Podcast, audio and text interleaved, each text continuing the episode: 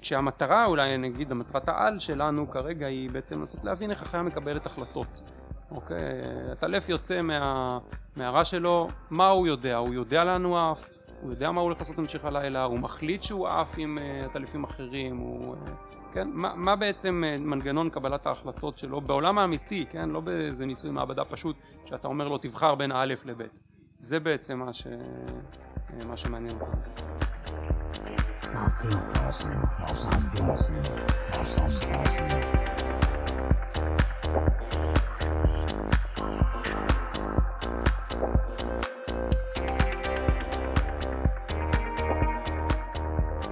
בוקר טוב, צהריים טובים ליוסי יובל, פרופסור יוסי יובל, שהוא רוקסטאר בעולם המדע, חבר בית ספר סגול למדעי המוח וראש המעבדה לתפיסה חושית וקוגניציה בבית ספר לזואולוגיה באוניברסיטת תל אביב.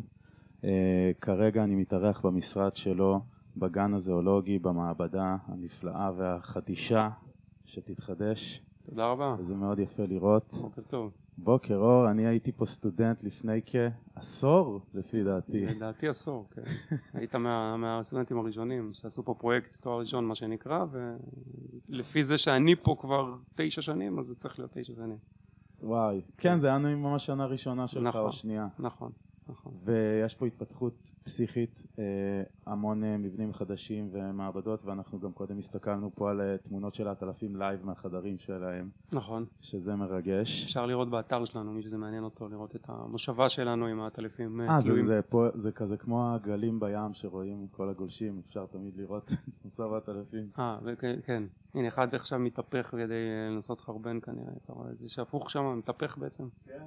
כן. איזה יופי.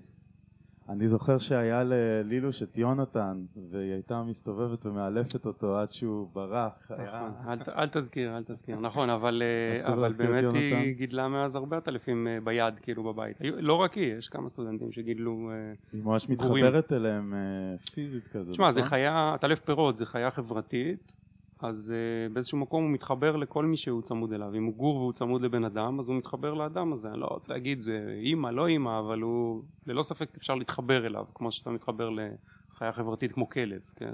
אפשר לעשות הקבלה אולי ככל שהטלף טיפה יותר גדול המוח יותר גדול יש טיפה יותר כי אני זוכר עם הטלפי חרקים כן. לא הרגשתי מהם איזה מין קשר חם ואישי יותר אני חושב שזה זה עניין של חברתיות בגלל זה הדגשתי חברתיות אני חושב ואז המוח הוא חברתי במקרה יש קורלציה מכיוון שהטלפי פירות הם ברובם חברתיים וגדולים אז אני חושב שמה שאמרת הוא נכון אבל זה דווקא דוגמה כנראה לקורלציה ולא לקוזציה. זאת אומרת זה לא הסיבתיות אלא במקרה הטלפים שהם גם חברתיים שהם גם גדולים הם חברתיים.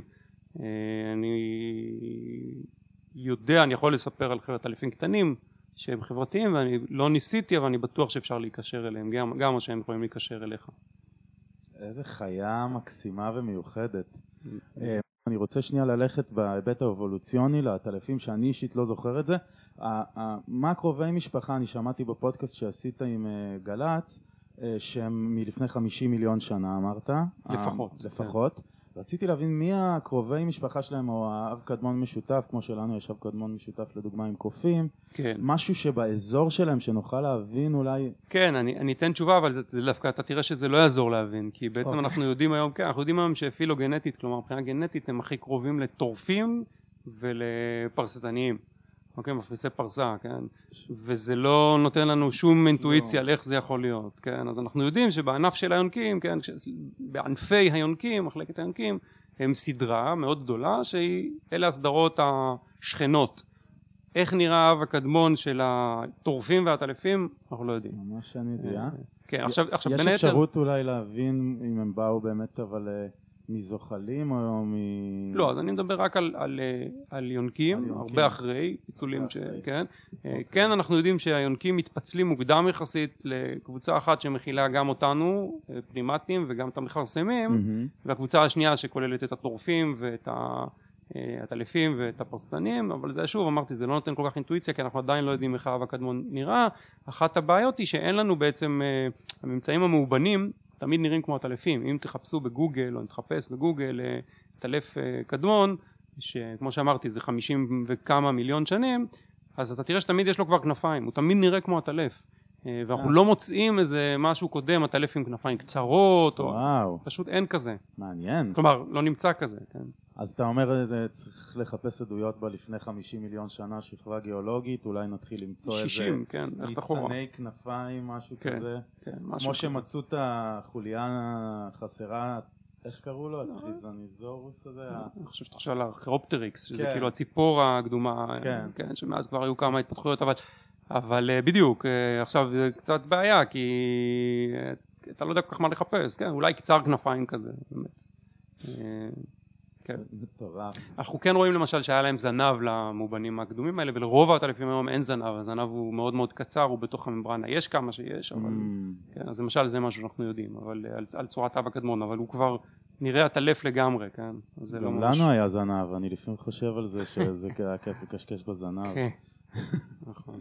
אז אתה מתארח, אני קודם כל מאוד מודה לך שהסכמת להתארח בפודקאסט אה, וזה ממש כיף לי להקליט את זה, נושא שגם קרוב לליבי מאוד ורציתי לשאול אותך כמיטב מסורת הפודקאסט, מה עושים?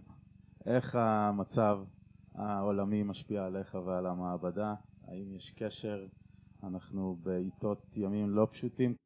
כן.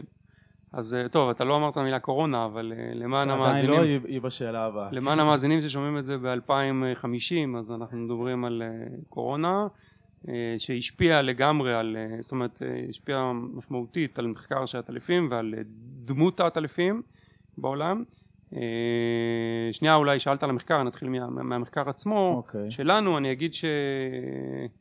שיש אה, אפילו מדינות שבהן אה, היום מחקר אה, עם עטלפים בשדה, כן, הוא נאסר או מאוד מאוד הוגבל מכל מיני סיבות שחוששים שהעטלפים יחטפו מאיתנו את הקורונה בעצם, Mm, אוקיי?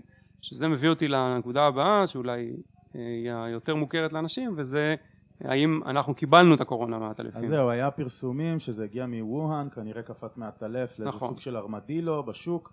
אני לא מאמין, אני בכלל מאלה שמאמינים בקונספירציה על המכון הווירולוגי שם בווהאן. כן. וזה תשמע. גם על זה הכנתי לך שאלה, כן. ובטח נגיע אליה, אם תרצה אני יכול להתייחס לשתף. לשתיהן, כן, כבר עכשיו. אז אה, תראה. אז אה, שנייה, למי כן. שהמאזינים לא יודע, יש תיאוריה שאומרת ש...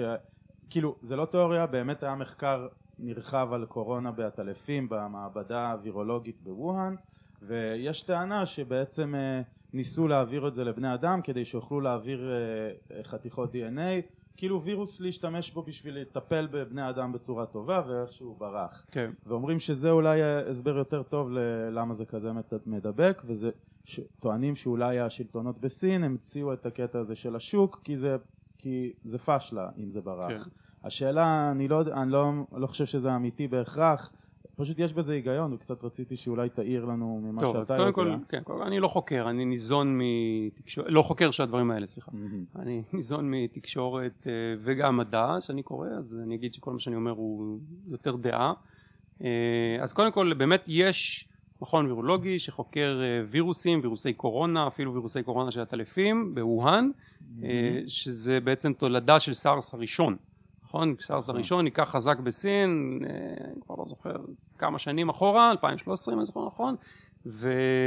וחיפשו חיפשו חיפשו איפה, מאיפה הווירוס הגיע, הניחו שזה וירוס זואונוטי, כלומר עובר מבעל חיים, חיפשו חיפשו חיפשו, בסוף מצאו איזושהי מערה מרוחקת מווהאן, שיותר לכיוון מיינמר, מערבה, שבה בעצם אה, מצאו, בודדו וירוס דומה לסארס הראשון בעטלף, אוקיי? ומשם ואילך התחיל, אה, התעמק, התעצם מחקר הווירוסים בעטלפים והקורונות בעטלפים. אה, בעצם מחקר וירוסים בעטלפים היה עוד קודם, בסדר? בוא נגיד קורונות בעטלפים. מהמם. אה, אז זה באמת התולדה הזאת של תיאור- תיאוריית הקונספירציה. עכשיו, מה שאנחנו יודעים על הווירוס סאר 2, כן, קרוב 2 מה שנקרא, זה שבאמת הווירוס הכי דומה שנמצא בטבע הוא וירוס שנמצא בעטלף, אותו עטלף שהיה בו את אה, סארס 1 באותו מקום, אוקיי?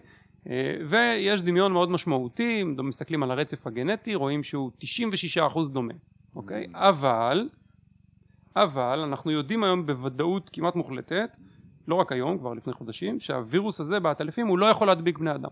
בסדר? מסתכלים על הרצף, מסתכלים על החלבונים, ורואים שהוא לא יכול להדביק בני אדם. מבחינה ביוכימית מה הוא לא יכול להיכנס לממברנה? בדיוק, הוא לא או- יכול להיכנס לתאים, בדיוק. אוקיי. עכשיו, אה, כלומר אתה יכול לקחת עטלף שיש לו את הווירוס הזה לאכול אותו או להתנשק איתו ולא לחטוף את הווירוס אוקיי? כלומר הווירוס לא עבר מהטלפים לבני אדם ישירות כן? עכשיו זו דוגמה יפה בעיניי לסיפור מדעי מורכב אתה יודע כשהמדע מנסה לתקשר את עצמו לציבור אז uh, בין אם באשמת המדען, המדען או באשמת התקשורת או באשמת הציבור או באשמת כולם uh, צריך לפשט, לפשט יוצאים סיפורים פשטניים נכון. קשה מאוד להעביר סיפורים מורכבים וזו דוגמה טובה שמכאן uh, נולדה המסקנה שהווירוס הגיע מהטלפים כשזה סיפור הרבה יותר מסובך מזה ו, ו, כן, בוא, בוא נאמר ככה, בביטחון כמעט מלא הוא לא הגיע ישירות מהטלפים. כן, אפשר שנייה לפשט אה, גם בשבילי וגם כן. בשביל המאזינים, מה, איזה מהלך אבולוציוני צריך לקרות בשביל שזה יקפוץ ממין למין, זה זהו, אז, שנורא אז, מעניין. אז לא כל כך יודעים, זה אחד, אז שוב, זה לא נושא שאני חוקר, אבל זה, זה לא כל כך ידוע, אה, אה, מוטציה שמאפשרת לך פתאום להדביק תאים או משהו כזה, כן? אה, אז אגב, לפי הערכות, כן, מידת הדמיון, כמו שאמרתי, 96 אחוזים, בין הווירוס ההומני לווירוס שנמצא בעטלפים, אומרת שהווירוסים האלה, האב הקדמון, דיברנו מקודם על אב קדמון, כן, האב הקדמון המשותף הוא מלפני שנים, חמש שנים יש כאלה שאומרים, עשרים שנה יש כאלה שאומרים, ארבעים שנה יש כאלה שאומרים, okay. אוקיי. כלומר יכול להיות שלפני עשרים שנה הווירוס הזה קפץ לחיה אחרת, עבר שם מוטציות למשל, והגיע לאדם, יכול להיות שהוא עבר גם עשר חיות שונות בדרך, בסדר? זה סיפור מורכב, אין תשובה. יכול להיות שלעולם לא תהיה תשובה. אז פה באמת נכנס, לה, נכנס העניין של המעבדה של, של וואן לתמונה. כן. קודם כל זה די מחשיד שזה באותו אזור, זה כן. כבר מעלה קצת כזה. ומה שאותי גרם לי לחשוב שאולי יש דברים בגו זה שהם פתאום היו בשקט תקשורתי והם עוסקים במחקר הזה המון שנים ופתאום כשזה מתפרץ הם בשקט אז זה נשמע קצת מחשיד אבל זה בעייתי להאמין בקונספירציה, כן. מצד שני זה בעייתי, רציתי גם לשאול אותך אולי שאלה על מידע, איך אתה משיג את המידע שלך, איך אתה יכול להאמין במשהו שזה גם, אבל זו שאלה שלמה כן. לפודקאסט אחר, נכון, אבל נכון. זה מעניין אותי בתור איש מדעי, אני נורא עכשיו מנסה להבין איך אני משיג מידע מהימן, זה, זה, זה קשוח. בעולם היום זו שאלה מרכזית, אני חושב שמאוד, הקורונה זו דוגמה טובה, גלובל וורמינג, כאילו זו דוגמה נוספת, וואו, ש... וואו, נכון. כן?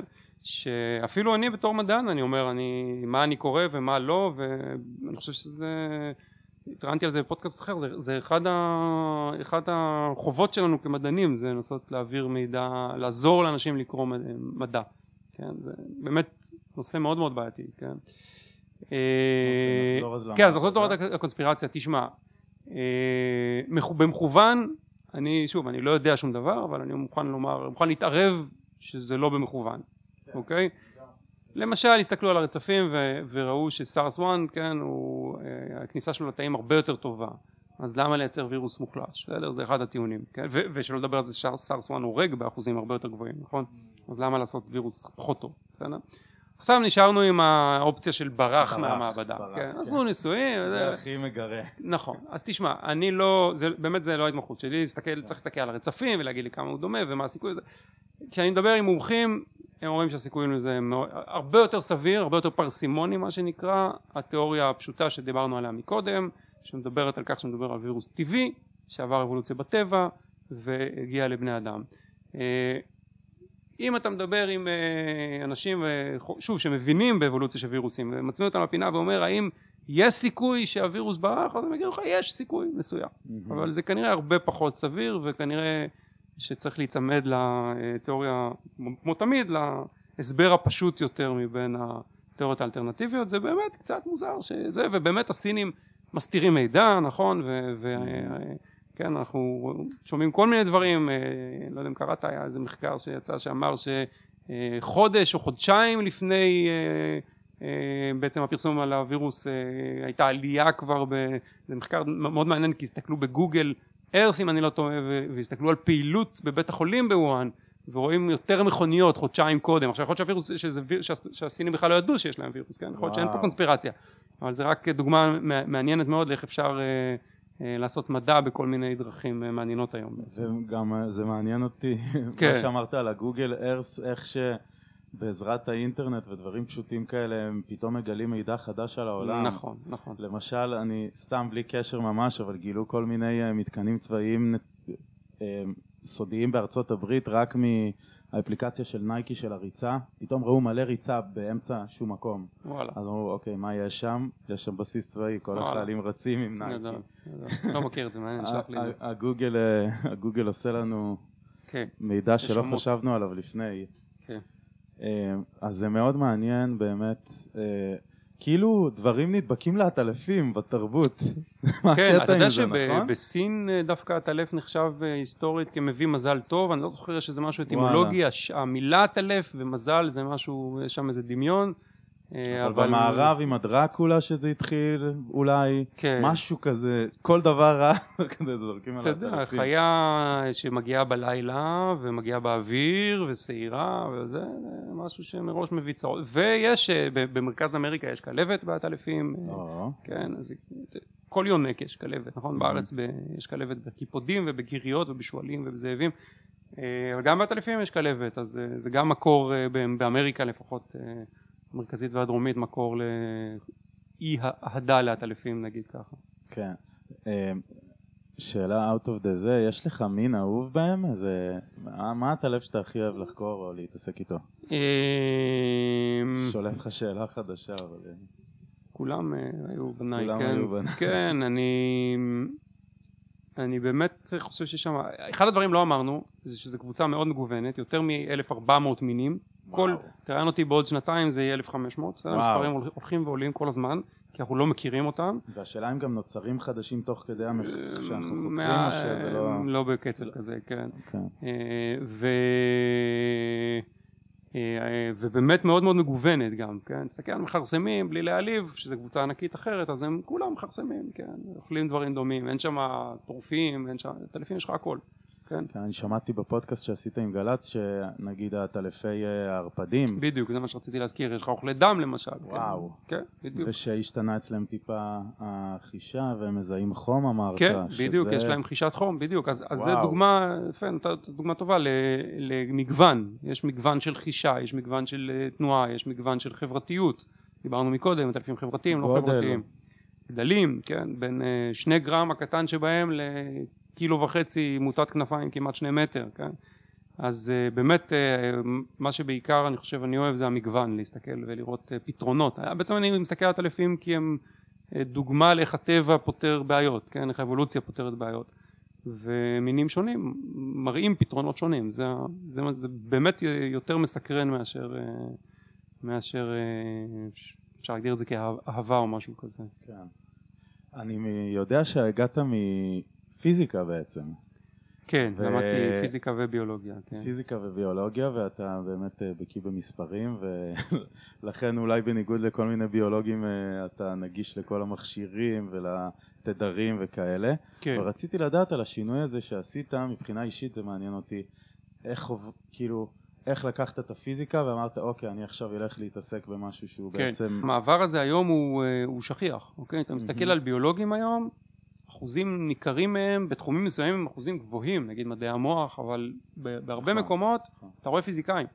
אה, בין אם זה כי יש להם כלים, בין אם זה כי הפיזיקאים אה, כבר פתרו במרכאות את כל הבעיות, או שהגיעו שלהם, או שהגיעו למסקנה שהן לא פתירות.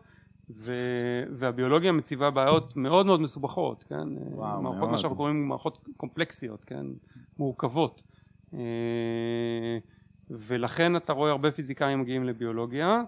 אה, אני באופן אישי לא פיזיקאי שהגיע לביולוגיה, ידעתי שאני רוצה להיות ביולוג, לא, לא לא, ידעתי את זה עוד קודם ורציתי פיזיקה או רציתי, התלבטתי אגב ללמוד פיזיקה או מדעי המחשב.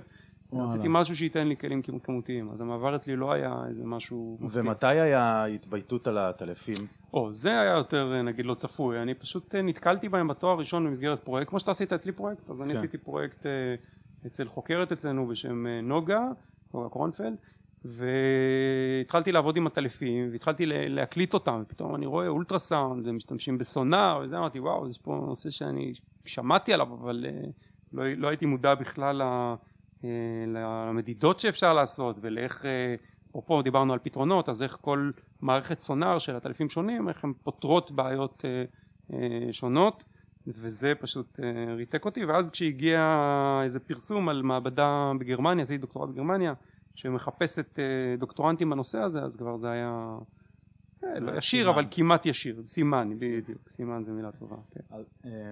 כן. אה, בוא אולי אה, נחדד את המידע הפשוט בין מה זה סונאר לאקולוקציה כי דיברנו עכשיו על כן. סונאר בוא נסביר שנייה את המושגי בסיס האלה כן למעשה זה אותו דבר זה אותו פשוט דבר. כן פשוט כש, כשדונלד גריפין הוא גילה את השימוש של הטלפים באקולוקציה ב-1938 אוקיי. אז המילה סונאר אני מקווה שאני מדייק היסטורית זה מה שאני יודע עוד לא הייתה קיימת בסדר? Mm. היו כל מיני, אה, אנשים השתמשו בגלי קול במים עוד קודם, כן? אבל פשוט עוד לא המציאו את הסונאר אה, בשמו. ולכן הוא טבע את המונח אקו אה, לוקיישן, כן? איכון הד קוראים לזה בעברית, כן? אפשרות לאכן באמצעות הדים, בסדר? ואחר כך כשהמציאו את הסונאר בשמו אז קראו לו סונאר. אז, אז אפשר להגיד שאחד זה המכשיר האנושי ואחד זה המכשיר האבולוציוני, אה, אבל למעשה זה אותו דבר. שימוש בגלי קול כדי אה, לאכן הדים ולהפיק מידע מהדים. עכשיו מהמידע שאתם אה, כל הזמן מוסיפים ויודעים יותר על האקולוקציה ועל הסונאר, כן. האם זה בא ישירות והולך להתפתחות טכנולוגית? כן, אנחנו ספציפית מעבדה שמנסה לעשות את זה, אנחנו משתמשים בטכניקות סונאר למשל עוזרות לנו להפעיל רובוטים, כן, אנחנו למשל בונים רובוטים שמשתמשים בסונאר, אקולוקציה, כן, לפעמים אנחנו קוראים לזה ביומימטיק סונאר, כן, זאת אומרת ביו? חקיין, כן, אה. אה, מימיקרי זה חקיינות, ביו, כן, אז mm-hmm. בעצם סונאר כמו ביולוגי, כן. זה בעצם המונח שאנחנו משתמשים בו, אה, אז, אז הראינו שאפשר להשתמש בו ברובוטיקה, יש לנו כמה פרויקטים שבהם אנחנו עובדים עם אה, סונאר בחקלאות, אה, אנחנו מקליטים הדים של צמחים ומסתכלים על כל מיני אה, אספקטים, יש לנו כמה פרויקטים משותפים עם מכון וולקני. כן, שמעתי שהשמעת עץ תפוח ועץ תירס. נכון, נכון. אז, אז באמת אנחנו מנסים ליישם את הידע שאנחנו רוכשים, אבל הייתי אומר קודם כל אנחנו מנסים להבין את העטלפים, אחר כך אם זה נשמע כמו משהו שאפשר לעשות איתו משהו חדשני טכנולוגית, אז, אז אנחנו גם מנסים לעשות את זה. כן. זה מביא אותי לשאלה אולי מאוד ספציפית, זה סתם ממש חברים שאלו אותי ברמת הגולן, סיפרתי להם שאני הולך לדבר איתך, וואי תשאל אותו, זה נורא מעניין אותנו, אז אולי לא היה לך מושג, אבל אני אזרוק את זה בכל זאת. כן. Uh, הבנתי שטורבינות uh, רוח יכולות כן. להשפיע על החיים ועל ההתמצאות שלהם ובכך בעצם uh, למגר אותם. כן. האם אתה יודע על זה משהו? כי ברמת הגולן יש uh, עמקים שלמים של אה, מטעים, של, אה, של כל הכפרים הדרוזיים בין מסעדה למג'דל שמס, כן. והולכים לבנות שם טורבינות ואומרים שכרגע הטלפים עושים שם את כל ההדברה הביולוגית נגד מזיקים. כן. אז אתה נוגע פה בשני דברים, אחד זה הטלפים כמדבירים, שתיים זה טורבינות רוח כמדבירי הטלפים, כן. אוקיי? נתחיל מה, מההדברה, כן? אז הטלפים באמת תורמים הרבה מאוד להדברה ביולוגית אה, יש, אה, יש מחקר שמראה בארצות הברית יש איזו מחלה שהורגת טלפים, איזו פטריה, mm. שאגב, אגב אפרופו מחלות וזה הגיע מאירופה בכלל, אפרופו אה, קורונה, כן, מגפה, אפשר לחשוב על זה כמגפה שהורגת הגיעה ממקום אחר, הטלפים בארצות הברית, צפון אמריקה לא עמידים לה ומתים במיליונים והעריכו את הנזק שיגרם לחקלאות כתוצאה מהמוות של הטלפים האלה במיליארדים, אוקיי? כל וואו. שנה מיליארדים, שזה החרקים שהטלפים האלה היו אוכלים ועכשיו יהיה צריך חומרי הדברה במקום, כן? אז, אה, אז לא רק שזה עולה כסף, גם אתה צריך להדביר עכשיו עם כימיקלים, בסדר, בקיצור זה ללא ספק אה, אה, תרומה גדולה מאוד של. אה, טורבינות רוח, רגע שנייה, כן. דניאל, אתה יכול להקליט את זה, אתה יכול לראות. זה, תגידי לפודקאסט מה אנחנו רואים, כן. תגיד, לא, באמת רצינות. זה עצמות של הטלפים? כן, זה דווקא סיפור מעניין.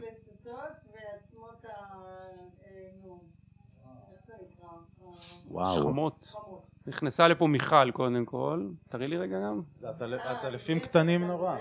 אנחנו מוקלטים ברדיו. פודקאסט, כן. והיא מוצאת את הגולגלות האלה. זהו, היא מוצאת את זה בצנפות של תנשמות, נכון? צנפולוגית? אה, את מוצאת את ה... וואי וואי. אה. את מוצאת את העצמות האלה בתוך תנשמות. בתוך גללים, כאילו זה לא גלל, זה הפרשות. קי, יפה, וואי וואי. שזה נקרא צנפה, כן. עצמות, פרווה והכל, זה פעם ראשונה מאז שאני בודקת צנפות מ-2012. רואה את השיניים ממש, תסתכל. זה נראה לי אפלול נגב. כן.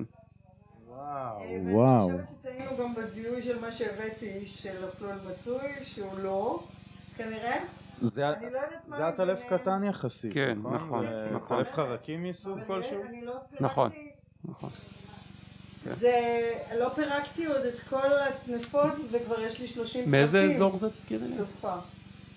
סופה. סופה. סופה, מערב הנגב. לא יודע איפה זה אפילו.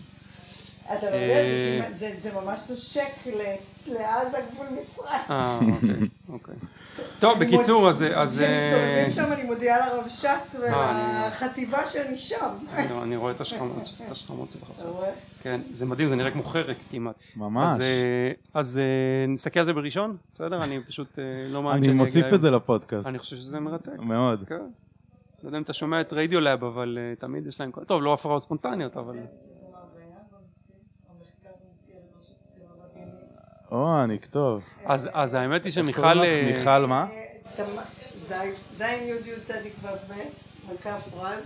ז- ז- זין יוד יוד צדיק ו"ב, מקף רז. צדיק, ו"ב, ו"ב. מקף רז. יפה. אה, כן.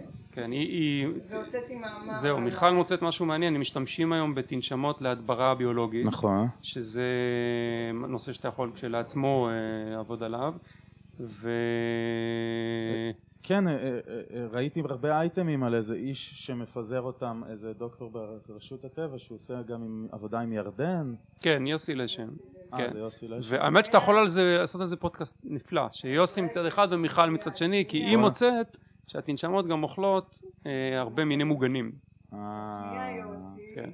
בואי אני אקדים אותך, בשבוע שעבר 24 הקודקדים של חטיבת המדע ויוסי לשם ותמר מהצד השני ומוטי צ'רטר וכולם והם החליטו לאמץ את המסקנות של, את ההמלצות של המחקר שלי להרחיק תיבות חמישה קילומטר מאזורים עם מינים מוגנים.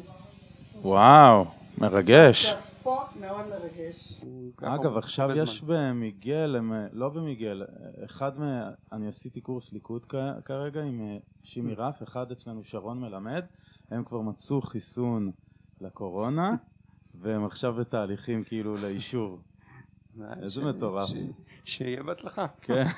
על מה זה מבוסס? על איזה עשב? זה לפי דעתי מבוסס על אה, אה, חיידק, מוח... אה, על נגיף מוחלש, אני לא, רוצ... אני לא באמת, אני לא אה, באמת חשבתי זוכר. שמלקטים איזה משהו.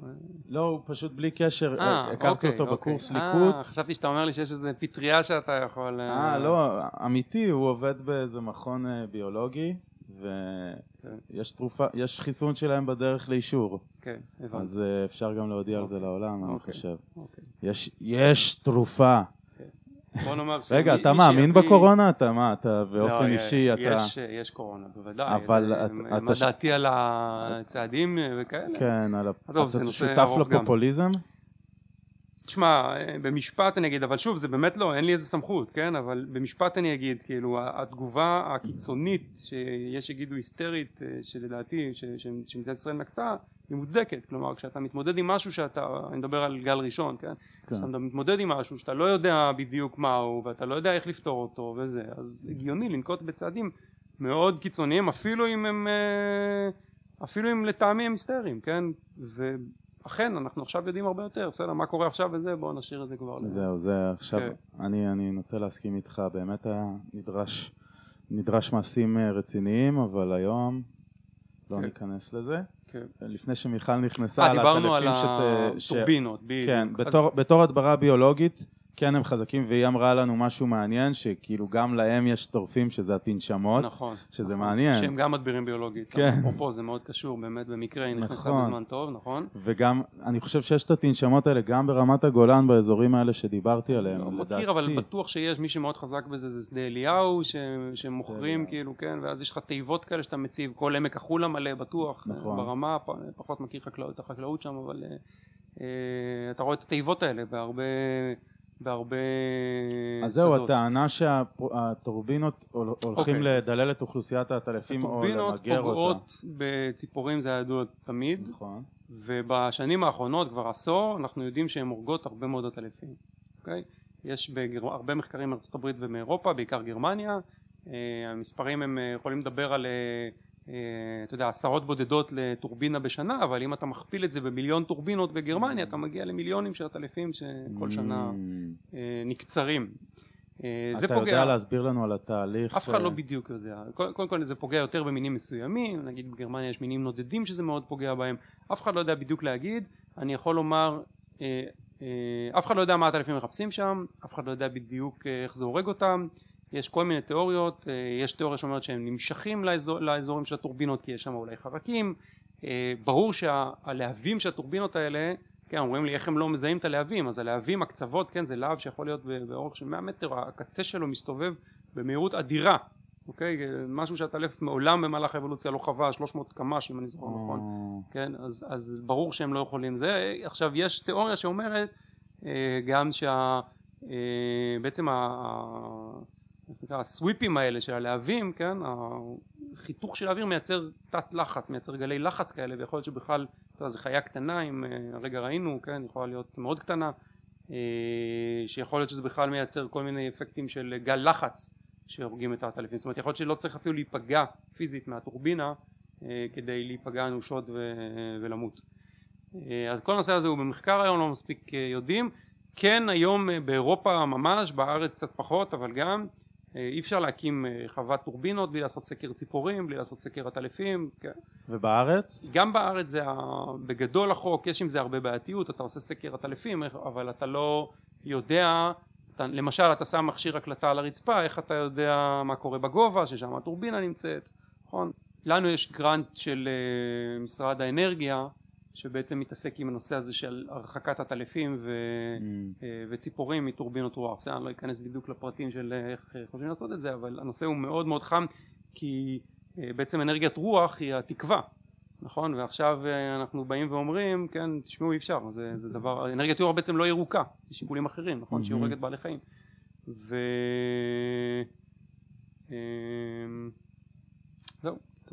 מה עם אנרגיה אטומית? זה מעניין. שמעתי שמבכים עכשיו גם כן. גבי שהוא למד איתי פה בתואר אה, מבכים אה, מים בשביל אנרגיה, וואו זה מעניין. כן. זה אני- לא יציב בעליל אבל ולא עושים עם זה כלום, לא משנה. כן, אה, בוא נגיע, אני כן. אגיע איתך לכמה שאלות כי אנחנו מתקרבים לסוף. כן. תספר לי על, ה... על חזית המחקר שלך, הדברים הכי חדשים שאתה בודק, כן. וגם מעניין אותי לדעת איך אתה בוחר אותם, איך אתה בוחר מה לבדוק. אה, אוקיי, אז אה, האיך הוא שילוב של הרבה דברים, אה, האיך של היום, אתה יודע, הוא, האיך הוא נשאר אותו דבר, אבל החזית של היום היא לא החזית של מחר, מהמם. כן, דברים באמת משתנים. אנחנו בשנים האחרונות עוסקים הרבה מאוד בניווט, אנחנו מפתחים GPSים מאוד קטנים ששוקלים כמה גרמים, אנחנו באמת מהטובים בעולם בנושא הזה, אנחנו שמים אותם על העטלפים, למעשה, למעשה מחר יוצא מחקר שלנו בסייאנס שמראה איך אה, אה, עטלפים משתמשים במשהו שהוא דמוי מפה, מפה קוגניטיבית, כן, אתה בא מפילוסופיה אז הרעיון הוא שיש לך מפה מנטלית, כן, מי, ש, מהמם. מי, ש, מי שהגה את הרעיון הזה של מפה מפה מנטלית הוא פסיכולוג בכלל, טולמן, אה, אז, אה, אז שהם מנווטים באמצעות מעין מפה זה מסוג הדברים אי שמעניינים אפשר אותנו. לקרוא את זה, אני אוכל לקרוא את זה? את כן, כן, המאמר כן, הזה? כן, כן. שלח לי לינק מחר. שהוא יצא. אה, אני יכול לשלוח לך אפילו היום, כאילו, אז אני אוסיף. אותו גם. כן, כן. אה, מה שמיוחד שם אגב זה שעקבנו אחרי גורים מהיום הראשון שהם אה, בעצם אה, עפים ועד בגרות, עד גיל כמה חודשים, כן, לראות איך הם מגיל אפס בונים את המפה הזו. אגב מפה זה אומר ש... אתה שואל אותי מה זה מפה, איך אני יודע שיש להם מפה, אז, אז מפה נמדדת בדרך כלל על ידי יכולת לבצע קיצורי דרך, כלומר אם אתה עף בין שתי נקודות שאף פעם לא עפת ביניהן, אתה מכיר אותן נקודות, אתה רוצה לצאת מפה ולהגיע עכשיו לים, הים כן. זה לא נקודה, זה לא דוגמה כל כך טובה, אבל נגיד, בסדר, אתה יכול ללכת לשער עכשיו לים פחות או יותר, נכון? אפילו שלא כן. הלכת מכאן לים אף פעם. למה? כי יש לך איזושהי מפה, יש לך איזשהו ייצוג מרחבי של העולם במוח, בסדר? אה, אתה לא צריך לראות את הים. אז זה מה שאנחנו מראים שיש להם, אז, אז זה מסוג הנושאים שמעניינים אותנו, אנחנו מאוד רוצים ללכת לכיוון של, אה, אה, של מניפולציה, כלומר אנחנו אה, אה, היום אנחנו עושים אובזרבציות בטבע, תראה, נלך צעד אחד אחורה, המעבדה שלי אחד מה... אחד מהדברים שחרטנו על דגלנו זה לעשות את הניסויים בטבע, כן? זאת אומרת להסתכל על החיות בסביבה הטבעית שלהם, לא במעבדה, גם במעבדה, אבל הרבה בטבע. אוקיי. בשביל זה אנחנו מפתחים GPSים, בשביל זה אנחנו שמים על הטלפים מיקרופונים, כן? אה, מכשירים אחרים, EEG, כל מיני מדדים. וכיום אנחנו עושים בעיקר אובזרבציות, אנחנו מתעדים את החיה. השלב הבא, זה החזית הבאה מבחינתנו זה לעשות מניפולציות, כן? אתה רוצה לעשות ניסוי, אתה רוצה ניסוי מבוקר כמו שצריך, אתה רוצה גם לשנות דברים. איך אתה משנה את הטבע, בסדר? נגיד כן. אתה רוצה עכשיו לשנות את מה שהטלף רואה, הוא רואה, משתמש בראייה, איך אתה משנה את זה? בעיה גדולה. אתה הזכרת באיזה פודקאסט שהיה חוקר עיוור. שעיוור את בזמן, העטלפים. כן, אז היום לא עושים דברים כאלה. כן, היום זה כבר לא. אבל זה נקרא מניפולציה. נכון, אגב גם לא נכון לעשות דבר כזה כי זה מניפולציה שהיא כל כך אגרסיבית מבחינת החיה שה, שהסיכוי שהיא תתנהג נורמלי אחר כך הוא מאוד מאוד כן. נמוך ו- אז צריך להתחכם למשל אתן לך דוגמה לא, לא הצליח אבל עשינו ניסיון למשל לשים על החיה פריזמה כן מ- מנסרה בעברית ש, שמסיטה כן. את שדה הראייה אוקיי? אוקיי. ואז הרעיון היה לשחרר אותם להרגיל אותם להשתמש במנסרה כלומר ששדה הראייה מוסט רצינו להוכיח שהם משתמשים בראייה לניווט אוקיי? הרעיון היה לאמן אותם עם פריזמה ואז כשאתה מוריד את הפריזמה כשאתה עושה את זה לבן אדם יש לו הסטה לכיוון השני יש פיצוי בעצם ואז אני יכול לשחרר את החיה לטבע עם בלי שום מכשיר עליה בעצם כאילו רק עם GPS כאילו בלי שאני פוגע לה בראייה עם ההסטה הזאתי בצד השני ושעוברת תוך כמה שעות בעצם כן. ובתקווה להוכיח אה, באופן מחוכם כן בלי לפגוע בחיה באמת שהיא משתמשת בראייה. זה לא הצליח כי לא ראינו את הפיצוי הזה. זה משהו שרואים בבני אדם לא, לא ראינו אותו בעטלפים לא יודע אם לא הצלחנו אנחנו. אתה יודע הנה אפרופו אז, אז הרבה ניסויים לא מצליחים. אתה בעצמך זוכר שהניסוי שאתה עשית פה כשל, כשל. כן, מסיבות שאנחנו לא יודעים טכניות או, או שהחיה לא יודעת. אחד הדברים בהתנהגות בעלי חיים בניסויים עם בעלי חיים אה, שקשורים להתנהגות זה שכשאתה לא רואה תוצאה אתה לא יודע אם אתה אשם או החיה אשמה. זאת אומרת אינטרפטציה אחת היא שמה שבדקת החיה לא יודעת לעשות מהמם. רצית לה, ל, ל, להוכיח שהיא משתמשת בראייה והיא לא משתמשת בראייה מצד שני יכול להיות שאתה טעית שלא עשית את הניסוי כמו שצריך שלא מדדת כמו שצריך שהיא לא הבינה מה אתה רוצה ולכן אה, תוצאות נגטיביות אצלנו הן מאוד מאוד בעייתיות מאוד קשה להגיד משהו על, אה, על תוצאה נגטיבית בעצם עשיתי את המחקר איזה חצי שנה, כן. והרגשתי שאחרי כמה חודשים הם כבר איבדו את הסבלנות, הם מיצו את הזמן שלהם בשבי וזהו. כן. אז זה, אז זה עוד אה, פן באמת שלי שאנחנו, כן. שלא הזכרתי מקודם ושיכול להיות שהחיה יודעת והניסוי בסדר אבל אה, אתה יודע מה זה כן קצת קשור למה שאמרתי שהחיה לא מבינה מה אתה רוצה כן. ואחרי כמה חודשים היא כבר אה, אתה יודע, תעזוב אותי בשקט כן. סוג של וואי, איזה מעניין זה, כן. איזה כיף. איפה אתה רואה את המחקר עוד עשר שנים? מה העתיד שאתה צופה לתחום? זהו, אז אנחנו- ובכלל העולם מעניין. כן אז אנחנו הולכים. למניפולציות אז למשל אחת המחשבות היא לשלוט במזון כן? למשל אם אתה יכול להציע מזון בטבע לעטלפים מסוימים למשל כן? אה, כל מיני דברים מהסוג הזה. אה, מערכות עקיבה ש, שאתה יודע בזמן אמיתי איפה החיה נמצאת. נגיד שכרגע אנחנו אוגרים את הדאטה כלומר הדאטה נאגר בזיכרון אנחנו לא משדרים אותו כי זה דורש הרבה אנרגיה ואז אנחנו פורקים אותו. אז אני לא יודע בזמן אמיתי איפה החיה נמצאת אני לא יכול בזמן אמיתי נגיד אה, לשנות את מה שהיא רואה או, או לתת לה מזון או משהו כזה. אז זה מסוג הדברים שהיינו רוצים uh, לעשות. uh, כשהמטרה אולי נגיד המטרת העל שלנו כרגע היא בעצם לנסות להבין איך החיה מקבלת החלטות. אוקיי? הטלף יוצא מה, מהרע שלו מה הוא יודע? הוא יודע לאן הוא עף הוא יודע מה הוא הולך לעשות במשך הלילה הוא מחליט שהוא עף עם uh, עטלפים אחרים הוא uh, כן מה, מה בעצם uh, מנגנון קבלת ההחלטות שלו בעולם האמיתי כן לא באיזה ניסוי מעבדה פשוט שאתה אומר לו תבחר בין א' לב' זה בעצם מה, ש... אה, מה שמעניין אותנו וואו. איך מגיעים לפתוח מעבדת אה, זואולוגיה באוניברסיטת תל אביב? איך זה קרה? מה היה התהליך פה? אה, זה גם שאלה שמעניינת אותי בתור יזם, זה חתיכת יזמות. כן, מדובר פה במשהו... כן תשמע מעבדה אתה גם המעבדה הכי גדולה כאן, לא? של גדולה זואולוגיה. יחסית כן אולי בזואולוגיה אולי הכי גדולה. אה, כן המעבדה היא מאוד דומה להייטק מהרבה בחינות. זאת אומרת גם אנחנו אין לנו תקציב אנחנו מגייסים כספים. כן האוניברסיטה נותנת לנו כספים מסוימים אבל אנחנו רוב הכסף שלנו מגויס אנשים לא יודעים את זה. אני צריך לכתוב אה, הצעות מחקר אני צריך להציג וזה קצת דומה אה, למה שהייטקיסטים עושים. כן, אה, יש לנו כמובן יתרונות, אה, אני רואה את זה כיתרונות על הייטק, אני לא צריך להראות מוצר מחר, אני יכול אה, לשאול עכשיו שאלות שמסקרנות אותי, אה, אה, ולהחליף אותן כש, כש, אתה יודע, כשאני חושב שיש משהו אחר מעניין.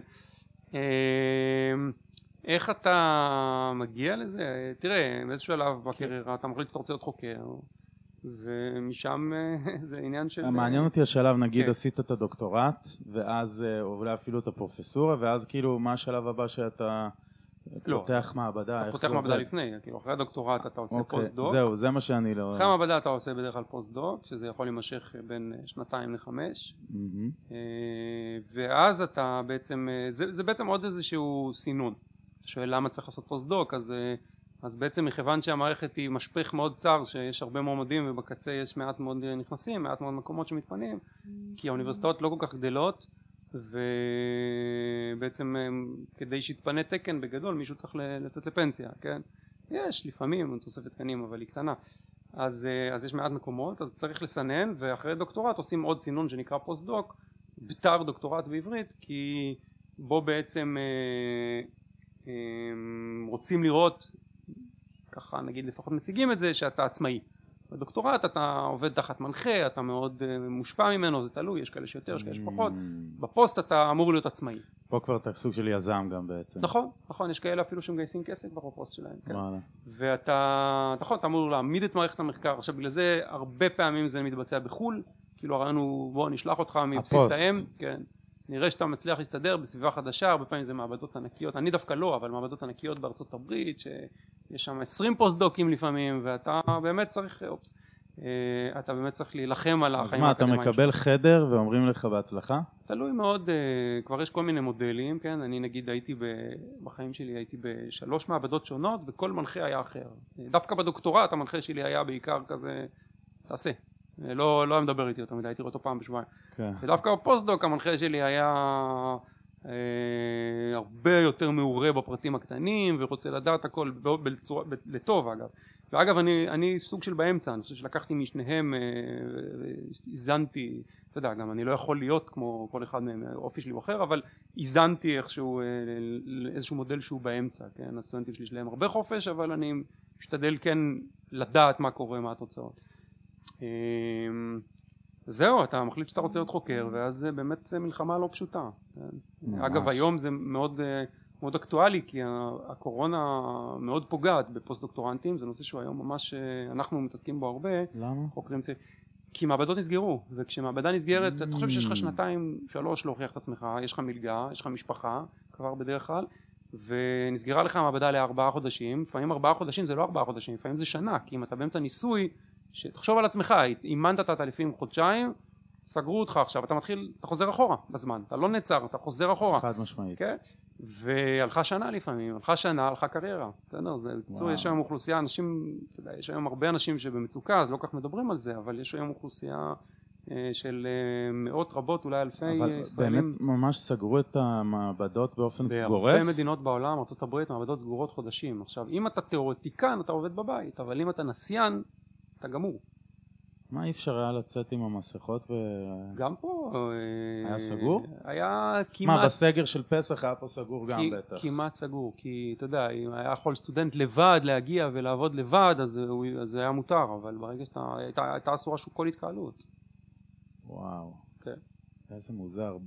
אני אגיע איתך למקום טיפה פילוסופי, אתה יודע שאני כן, אוהב. נכון. מה עם גבולות הידע של המדע? מה המדע... כן. אתה חושב שיש לזה קצה? מה הקצה? אני אשתף אותך במחשבות שלי. כן. באמת קצת אה, כמו שתומאס נייגל אומר, אז כן. יש גם את השאלה הזאת של קואליה, של האיכות של ה... כן. האיכות של כל דבר, אה, שזה דבר שבעצם אומרים שאי אפשר להגיע אליו. אני חושב שיש דברים שלעולם לא נדע, למשל לא נדע כל מיני דברים כמו טלפתיות, אנרגיות כאלה שאני מאמין שקיימות בעולם, כן. אבל אני לא יודע אם אנחנו נוכל למדוד אותם. טוב, אני אתן לך תשובה קצת יותר down to earth. כן. קודם כל מה שמגדיר את גבולות הידע זה טכנולוגיה נוכחית. בסדר? Okay. אוקיי. כאילו אנחנו אה, לא יכולים לראות מעבר לטכנולוגיה שלנו ולכן באמת, אה, אתה יודע, אתה מסתכל על דברים שפורסמו בנייצ'ר וסייאנס, מאמרים ישנים שאני קורא לפעמים ואני נדהם, אני אומר בואנה זה היה בנייצ'ר, היום אני עושה את זה בשעה. כן. עכשיו כמובן זה כמו שאתה מסתכל על סדרות משנות ה-80 אתה אומר ככה התלבשו כאילו בסדר זה זה מה שידעו לעשות אז ולכן אה, לפעמים אנחנו היום אה, יורקים דם ומפרסמים איזה משהו חדשני אני עוקב אחרי גורים כן מגיל אפס בעוד 50 שנה יסתכלו על זה ויגידו מה זה השטות הזאתי, בסדר?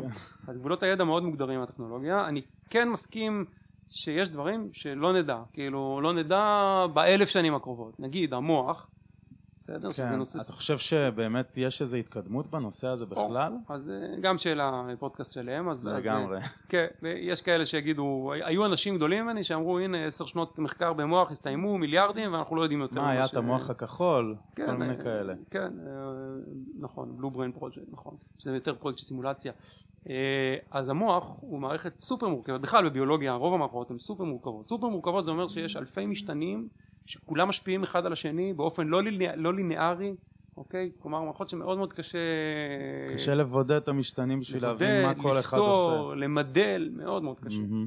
עכשיו, אתן לך דוגמה, אתה מדבר על גנים, פתאום בשנים האחרונות אנחנו מדברים על חיידקים בכלל, שגם הם משפיעים על המערכת, אז פתאום יש לך עוד 300 מיני חיידקים בגוף, שגם משפיעים על הכל, אוקיי? אז הדברים נהיים מאוד uh, מורכבים, ועשר מטורף. ב-11 נוירונים במוח שלנו, אז מה- זה מה שגם אומרים על הקורונה, שיכול להיות שהחומר הגנטי שהיא מכניסה יכול להיות גם ישפיע עלינו בעתיד.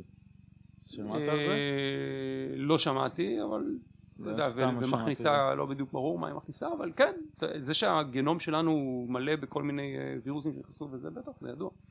ספק יש דברים שלא נדע אף פעם, מערכות מורכבות כאלה ביולוגיות, זו דוגמה טובה, אה, כמו מוח, לא נבין להערכתי אף פעם, עכשיו שאני אומר אף פעם, אני מדבר על אלף שנה, בסדר? אתה יודע, מה יהיה בעוד מיליון שנה, אין מה לדבר. בתקופה אה, תקופה, כן, תקופתית. ש- ש- אני לא מדבר אפילו על מאה שנה, ברור שנבין הרבה יותר, בסדר? ברור ש- ש- שנתקדם. יש עניין גם שיחסית לשאלה שאתה שואל, אתה גם לפי, רק לפי השאלה, כמו שאתה אמרת, מה, ש- לפי הטכנולוגיה אתה יכול להבין את גבול הטכנולוגיה. אה, לצורך העניין אה, קופרניקוס שהוא פתאום אמר אה, כדור הארץ מסתובב סביב השמש ולא כן. להפך כן. זה פתאום שינה את התפיסה של כל נכון, המדע נכון. אז כאילו זה צריך להיות גם לפעמים כאילו נכון, אין לי, אין לי קצת דוגמה, תודעתית נכון. שמובילה בטח. למדע אין לי, אין לי דוגמה טובה יותר ממה שנתת, אבל למשל, נחזור לגריפין, 1938, מהמם. אה, גילוי השימוש באקולוקציה, אגב הוא היה דוקטורנט, זה נורא מעניין, הוא היה וואו. דוקטורנט והוא בכלל לא חקר את הנושא הזה, הוא חקר ניווט של בעלי חיים, אוקיי? כן. והגיע, התגלגל לידו מכשיר סונאר, כן, מכשיר, סליחה, שרגיש ל- לקול אולטרסוני, והוא העיף עטלפים בחדר והקליט אותם ושמע שהם משתמשים בקולות. זה שינוי תפיסה שגרם, יצר וואו. אחריו אה, תחום שלם של מחקר ו- ורעיונות וכן, ללא ספק. מדהים ומה המסר שלך לעולם?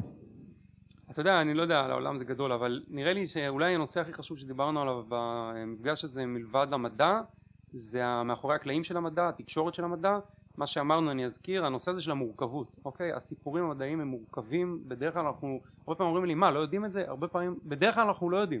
אני, אני כשאני מלמד סטודנטים בתואר ראשון, אנחנו לומדים מ textbook, ו textbook מפשט, אפילו textbook לחוקרים, או כאילו לסטודנטים שאולי יהיו חוקרים, הוא נותן תמונה פשוטה כי הוא לא יכול לתת תמונה מורכבת. אתה צריך לדעת אם א' גורם לב' כן? ולא א' אולי גורם לג' ש... נכון? שבסוף איכשהו קשור לב' אז, אה, אז צריך אה, לקחת אה, אני לא רוצה להגיד עכשיו צריך לקחת הכל בערבון מוגבל זה אמירה לא טובה דווקא אבל צריך להבין שהתמונה המדעית היא מורכבת זה לא דבר רע בסדר? זה, זה, לא, זה לא רע ש, שהעולם מורכב כן כשבאים בסוף לקבל החלטות רוצים לעשות סגר או לא רוצים לעשות סגר אז, אז זה בעיה שהעולם הוא מורכב ולכן הנה נתחבר לעוד משהו שאמרנו קודם ולכן למקרים כאלה לפעמים צריך אה, אה, מקבל החלטות לקבל החלטה קיצונית יותר בהיעדר אה, ידע בגלל סיפור מדעי מורכב. אה, הנה רק היום עכשיו אנחנו פתאום אה, מדענים טוענים שההעברה של הקורונה היא, אה, גם באוויר ולא רק באמצעות אה, רסס נכון? יש איזה ויכוח כן אז הנה אני אפילו הבנתי שברגע שהיא פוגשת את השמש ואת האוויר היא מתה. עדיף אפילו לא להיכנס לזה, אבל אני רק מראה לך שמשהו שעכשיו ארבעה חודשים כל העולם חוקרים ועדיין אין תשובה, וואו. אוקיי? די, די מדהים, ולא רק שאין תשובה, יש חצי שאומר ככה וחצי שאומר ככה, כן? אז המדע הוא, הוא מורכב, וכמובן שהוא הכרחי, נכון? בלי מדע אז גם המורכבות הזאת לא תהיה קיימת בעצם. ומדע ואומנות מבחינתי זה הסביבה מה העולם סובב. כן, כן, אין ספק. אה, ואוקיי, איפה אפשר למצוא את המחקר? אותך, אה, אני רואה שיש אה, אתר, אז יש לנו אתר מעבדה, יוסיובל.קום, יש לנו היום גם טוויטר, אה, הצטרפנו לטוויטר. אתה מפרסם שם הרבה? לא הרבה, אנחנו לא מאוד פעילים, אבל uh, כל מדע שלנו אנחנו מכניסים Mm-hmm. בעצם, אפשר לעקוב אחרינו, נקרא יובל לאב. Uh, באתר מעבדה שלנו אפשר לקרוא את כל המאמרים שלנו, לראות live footage מה... uh, מה... ואיך. האתר נקרא? אתר פשוט יוסיובל. com, כן, הכי, הכי בסיסי שיש. אה, יש הרבה, הרבה תקשורת פופולרית, אם יעשו, אם תחפשו בגוגל. אה, אני ראיתי אה, מיליון, מיליון אותך בכל כן, מיני אייטמים, זה כיף. אפשר למצוא, גם באנגלית אפשר למצוא די הרבה. וואלה. כן. טוב, אני מודה לך מאוד על הזמן, זה היה שיחה נורא כיפית, קצרה, זה עבר בטיק טק. אה, מאחל מלא בהצלחה ושניפגש עוד אה, בעתיד עם עוד מידע מהמם. תהנה בצפון, בקיבוץ דן, בפנסיה שלך. תהנה כאן בטלפייה. תודה רבה. It's a wrap.